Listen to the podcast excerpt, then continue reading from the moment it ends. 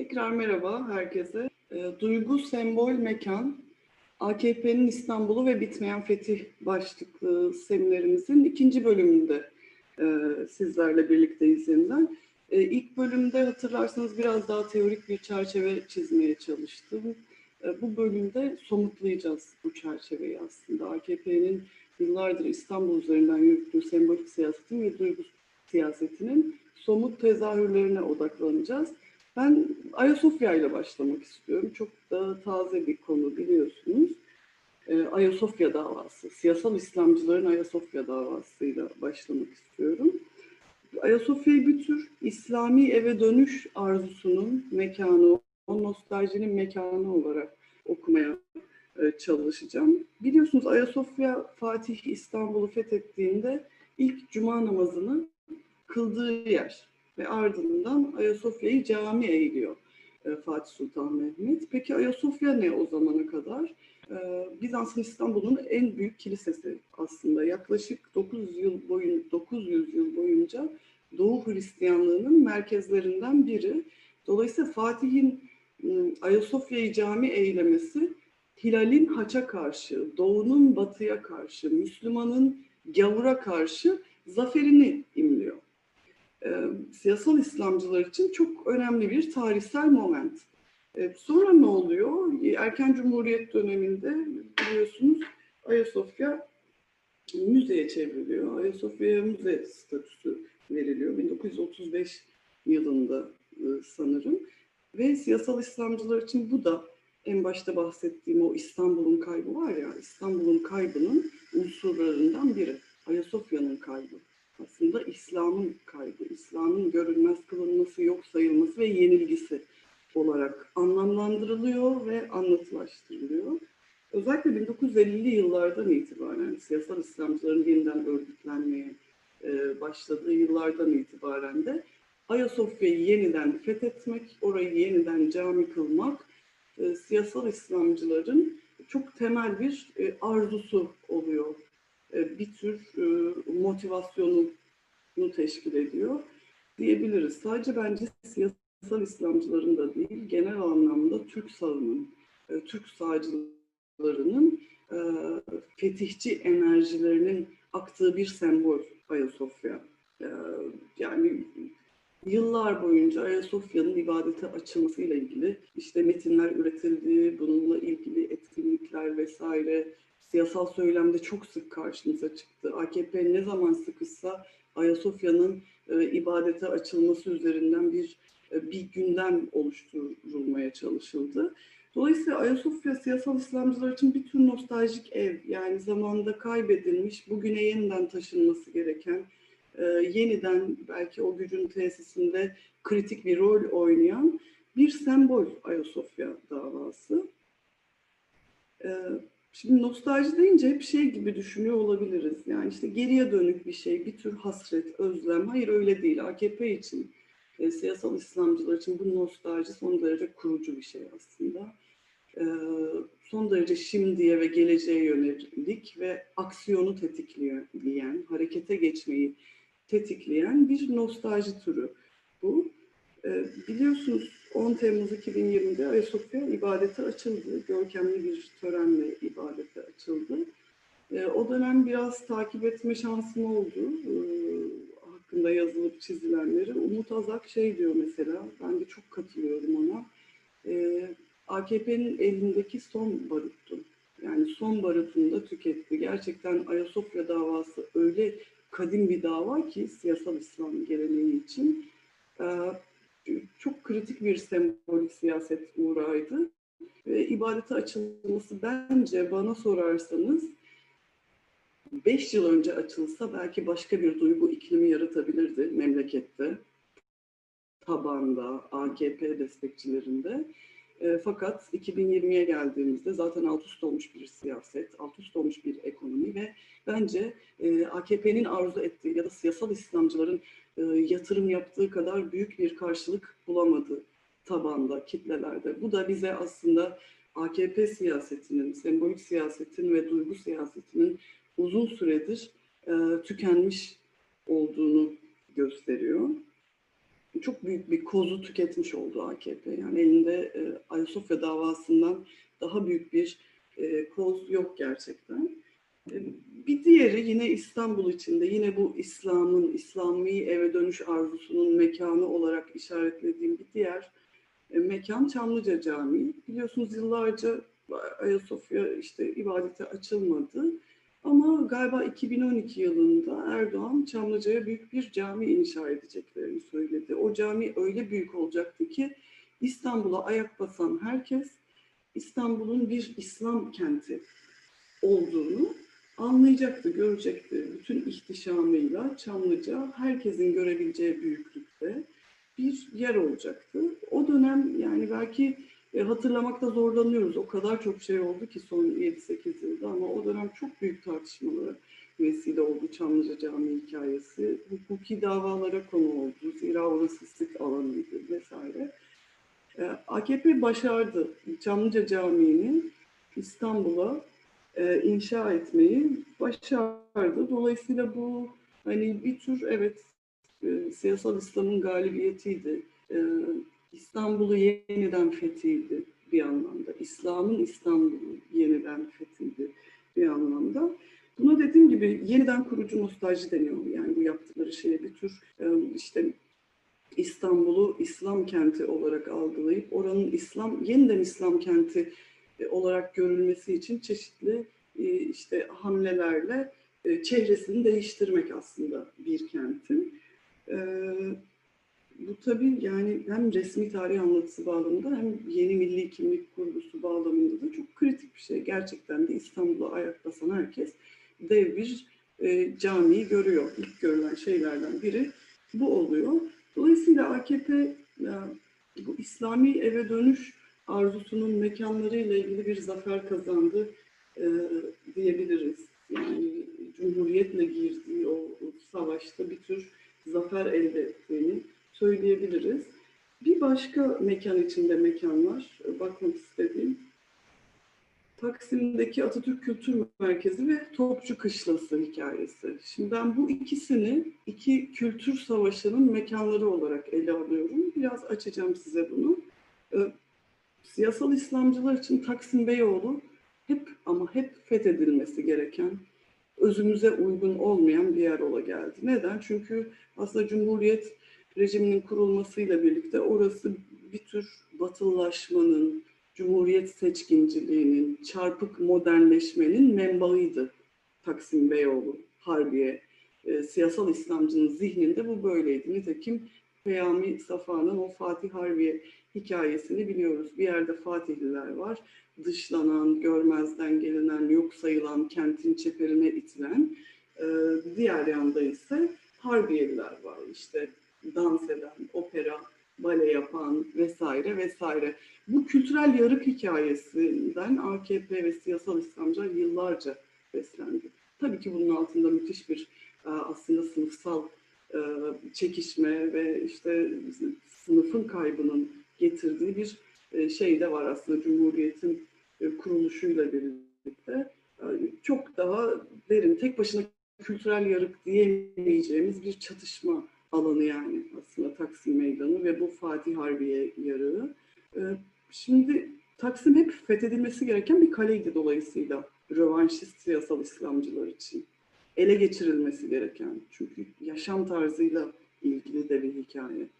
Nitekim ta 94 yılında er, şey Erdoğan belediye başkanlığı seçimlerinden önce şu vaatlerde bulunuyor. Taksim'e cami yapacağım yaptı biliyorsunuz. İslami Kültür Merkezi yapacağım. İşte genel evleri kapatacağım. Belediyenin mekanlarında içki satışını yasaklayacağım. Hepsini yaptı aslında. Yani bugün Taksim'e baktığımızda bambaşka bir çehre görüyoruz. Yani Cumhuriyet'in çok e, temel bir e, sembolünün nasıl alaşağı edildiğine şahit oluyoruz Taksim örneği üzerinde. Şimdi Taksim içindeki AKM'ye bakacağım dedim ya ben. E, AKM ve yani genel olarak Taksim özel olarak AKM e, AKP'nin bu kültürel cihadının, buna kültürel cihat deniyor, böyle kavramsallaştırıyor bazı akademisyenler bunu. mecralarından biri, mekanlarından biri Atatürk Kültür Merkezi. Yıllarca uğraştılar burayla. Yani ta 2015'te Kültür Bakanı Atatürk Kültür Merkezi'ni yıkalım, e, restore edelim gibi şeyler söylemeye başlamıştı. 2010 yılından sonra yani AKP'nin ustalık dönemi e, diye adlandırılan e, ve gücünü iyiden iyiye tesis ettiği dönemde gerçekten de e, Atatürk Kültür Merkezi'ni yıktılar. Çok sembolik önemi çok güçlü bir yer. Yani Cumhuriyet'in temel sembollerinden biri. Opera binası olarak inşa edilen bir yer çünkü Atatürk Kültür Merkezi. Aynı zamanda tescilli kültür varlıkları e, arasında olan bir yer ve birinci derece sit alanı. Yani şimdi bütün bunlara baktığımızda AKP orayı yıkmak için de yıllarca bir e, hukuki anlamda da aslında hukuku da alaşağı ederek bir şekilde e, yıktı ve yerine yenisini yapılacağı, yenisinin yapılacağı söyleniyordu. 2019 sonunda biteceği söyleniyordu. E, öyle bir şey yok. Yani Atatürk Kültür Merkezi yıkıldı ve şu an işte ekonomik kriz vesaire bahane edilerek orada herhangi bir inşa çalışması yok diye biliyorum. Kültürel cihadın bu cephesini kazandı demektir AKP. Atatürk Kültür Merkezi'ni yıkarak. Ee, Fatihli'nin Harbiye'ye karşı bir zaferi olarak da bunu okuyabiliriz. Yani bir tür o yaşam tarzı çekişmesinin e, Fatih'in lehine sona erişi. Her şey böyle olmadı. Yani AKP'nin bütün sembolik siyaset hamleleri tutmadı. Topçu kışlasına geçmek istiyorum burada. Yine çok benzer sayıklarla e, bir tür yani rövanşist bir sembolik siyaset eylemi olarak Erdoğan biliyorsunuz e, Gezi Parkı'na bir işte Topçu Kışlası'nın replikasının yapılacağını ilan etmişti. İş makinalarının oraya girmesiyle Türkiye tarihinin gördüğü belki en büyük direnişe vesile oldu. Gezi Parkı olayları biliyorsunuz. AKP içinde geri dönülmez bir duygu durumuna geçişin momentidir bence. Korkuyla karakterize olan, düşme korkusuyla karakterize olan bir moment. Niye bu kadar önemliydi Topçu Kışlası e, siyasal İslamcılar için? Anlattıkları hikaye şu. E, Topçu Kışlası'nda işte ikinci meşrutiyet dönemi 1909 galiba 31 Mart ayaklanması gerçekleşiyor ve günlerce sürüyor bu ayaklanma. Bu ayaklanmayı Topçu Kışlası'ndaki askerlerin ve din adamlarının e, yaptığı söyleniyor. Ve hareket ordusu tarafından bir vadede bastırılıyor bu ayaklanma. Sonucunda da Abdülhamit tahttan indiriliyor. İkinci Abdülhamit siyasal İslamcıların kurduğu Osmanlı tarihi açısından çok kilit önemli. Ee, yani o anlatı, onların kurduğu anlatı açısından bugün kilit önemli. Ee, Erdoğan'ın dönem dönem özellikle 2015 e, sonrası Abdülhamitleştiğini bile söyleyebiliriz pek çok bakımdan. Dolayısıyla Topçu Kışlası meselesi bir tür Abdülhamid'in intikamını almanın sembolik göstergesiydi e, AKP için. Oraya o binayı dikeceklerdi, e, dikmek istiyorlardı. Nitekim binanın işlevinin ne olacağı üzerine çok çeşitli şeyler söyledi o dönem iktidardakiler, seçkinler biliyorsunuz. Ya önce AVM olacak dediler, sonra işte şehir müzesi olacak dendi. Yok işte rezidans olacak vesaire. Dolayısıyla aslında hiçbir zaman işlevi önemli değildi. Mühim olan Taksim'in göbeğine, Gezi Parkı'na bir iz bırakmaktı. Yani bir tür o diyorum ya resmi tarih, milli kimlik vesaire bununla ilgili güçlü bir iz bırakmaktı amaç o binayı dikerek. Dikemedi. Dolayısıyla bu cihadın bir cephesinde AKP'nin yenildiğini e, teslim edebiliriz e, bu örnekten hareketle. E, bir başka yine İstanbul özelinde benim bakmaya çalıştığım mekanlar, yerler ya da icraatlar diyeyim, e, gigantomanik fanteziler olarak kavramsallaştırıyorum. Birazdan açacağım bunun ne olduğunu. E, batı karşısında simgesel üstünlük gösterisinin, gösterişçiliğin mekanları, yerleri olarak baktığım bazı yerler var. Yani AKP sadece içeriye mesaj vermedi İstanbul üzerinden yürüttüğü bu rövanşist sembolik siyasette ve duygu siyasetinde. Aynı zamanda dışarıya, özellikle batıya da bir mesaj vermek istiyordu. Ne kadar medeni olduğunu, ne kadar güçlü olduğunu e, göstermek istiyordu. bir tür o batı karşısında en başta bahsettiğim hissedilen aşağılanmışlık ve eziklik duygusunun telafi, telafisi için e, 2012 yılında galiba çeşitli mega projeler ortaya attı biliyorsunuz Erdoğan. Çılgın projeler de dendi bunlara. Neydi bunlar? Marmaray, işte Avrasya Tüneli, 3. Havalimanı, 3. Köprü, İstanbul'un çevresini tamamen değiştiren, e, tamamen yeni bir İstanbul kurgusunu dışarıya da gösteren bir tür vitrin e, projelerdi bunlar.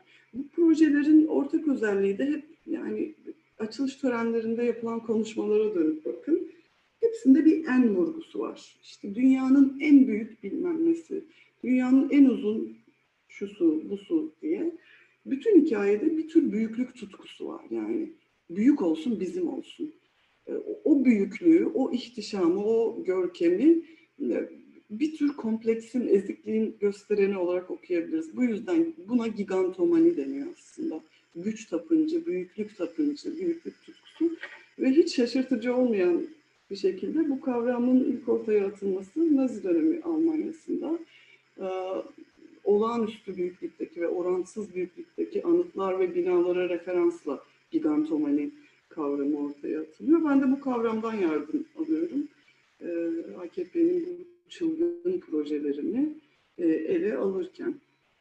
Tabii ki bütün bu projelerde rant, çıkar, ya bunların hiçbirini es geçmiyorum. Ben sadece işin sembolik boyutuna baktığım için bunlar üzerinden yani para, çıkar, rant neyse onlar üzerinden bir analiz yapmıyorum. Diyorum ki tabii ki bu boyutu var ama bir de böyle bir sembolik ve duygusal anlamda e, bu tarz bir boyutu da var diyorum. Dolayısıyla hem içeriye hem dışarıya bu projelerle bir e, üstünlük mesajı, bir galibiyet mesajı, bir zafer mesajı verilmiş oldu. E, en son başlık belki şey, İstanbul'la ilgili, AKP'nin İstanbul siyasetiyle ilgili bahsedebileceğim inşaatlar. Zenginleşme iştahının mekanları olarak okuyorum e, İstanbul'da yapılan bu kentsel dönüşüm ve e, inşaat şehveti hikayesinden. Çünkü biliyorsunuz sadece sembolik olarak güç elde etmekle iktidar olmuyor. Aynı zamanda maddi gücü de elde etmeniz gerekiyor. Ve bence inşaat hikayesi yani AKP'nin bu inşaata dayalı ekonomik büyüme modeli hegemonyasını tesis etmesini, devşirmesini sağlayan başat şeylerden biri. Çünkü aslında tüm topluma her anlamıyla hitap etti inşaat şehveti. Nasıl hitap etti? Herkesin bir tür sınıf atlama e, arzusuna, işte gece konuda oturan insanın da, orta sınıf birinin de e, sınıf atlama arzusuna hitap eden, bu arzuyu gıdıklayan, kaşıyan ve buradan bir hegemonya devşiren bir yönü var bu inşaatlaşmanın. Buna tabii ben sembolik olarak bakıyorum. Ne demek bu kadar inşaat? Sembolik olarak e, siyasal İslamcının betonlaşmış güce tapması olarak görüyorum bunu. O beton içinde, o inşaat içinde gömülü olan sermayeye, güce duyulan hayranlık, öykünmenin göstergeleri aslında. Ee, tabii ki bu inşaat furyası İstanbul'da sadece sembolik olarak aslında şehrin çehresini değiştirmedi. Bayağı reel anlamda da şehrin çehresini son derece değiştirdi. O e, gökyüzüne sonsuzca uzanan gösteren gö, şey e, gökdelenler bence tam anlamıyla bir tecavüzün göstergeleri, son derece fallik imgeler, bir kente nasıl e, sembolik olarak e, eril bir şekilde tecavüz edildiğinin gösterenleri ve ben şöyle düşünüyorum aslında tüm bu hikayeyi böyle bu AKP'nin İstanbul'la kurduğu hınca, intikamcılığa dayalı ilişkiyi böyle bir e, yani topluca gördüğümüzde gerçekten de kentin, taşın, toprağını, mirasını, tarihini alaşağı ettiğini görüyoruz AKP'nin. Ee, bu anlamıyla ben şöyle düşünüyorum. AKP evet e, İstanbul'un bedenini ele geçirdi ama bence ruhunu ele geçiremedi. E, 2019 seçimlerinde bunu gördük. Yani seçimleri kaybettiler, belediye seçimlerini ve e, deli gibi uğraştılar biliyorsunuz bir, bir şekilde hani iptal ettirmek için. Çünkü İstanbul bu kadar önemliydi onlar için. E, dolayısıyla ruhunu ele geçiremedi ve e, temel şeyi de şu andaki krizin nedenlerinden biri de bu aslında. İstanbul'u tam anlamıyla hiçbir zaman e, fethedemediğinin göstergesi bu. Şöyle bitirmek istiyorum. Dört gün önce e, Ekrem İmamoğlu bir tweet paylaştı. 6 Ekim işte İstanbul'un kurtuluşunun 97. yıl dönümü. E, o tweette bir video var. İstanbul yukarıdan çekilmiş. E, ve şöyle başlıyor video. İstanbul senindir. Ben videoyu görünce bir e, gerçekten bir böyle ne oluyor dedim, sarsıldım.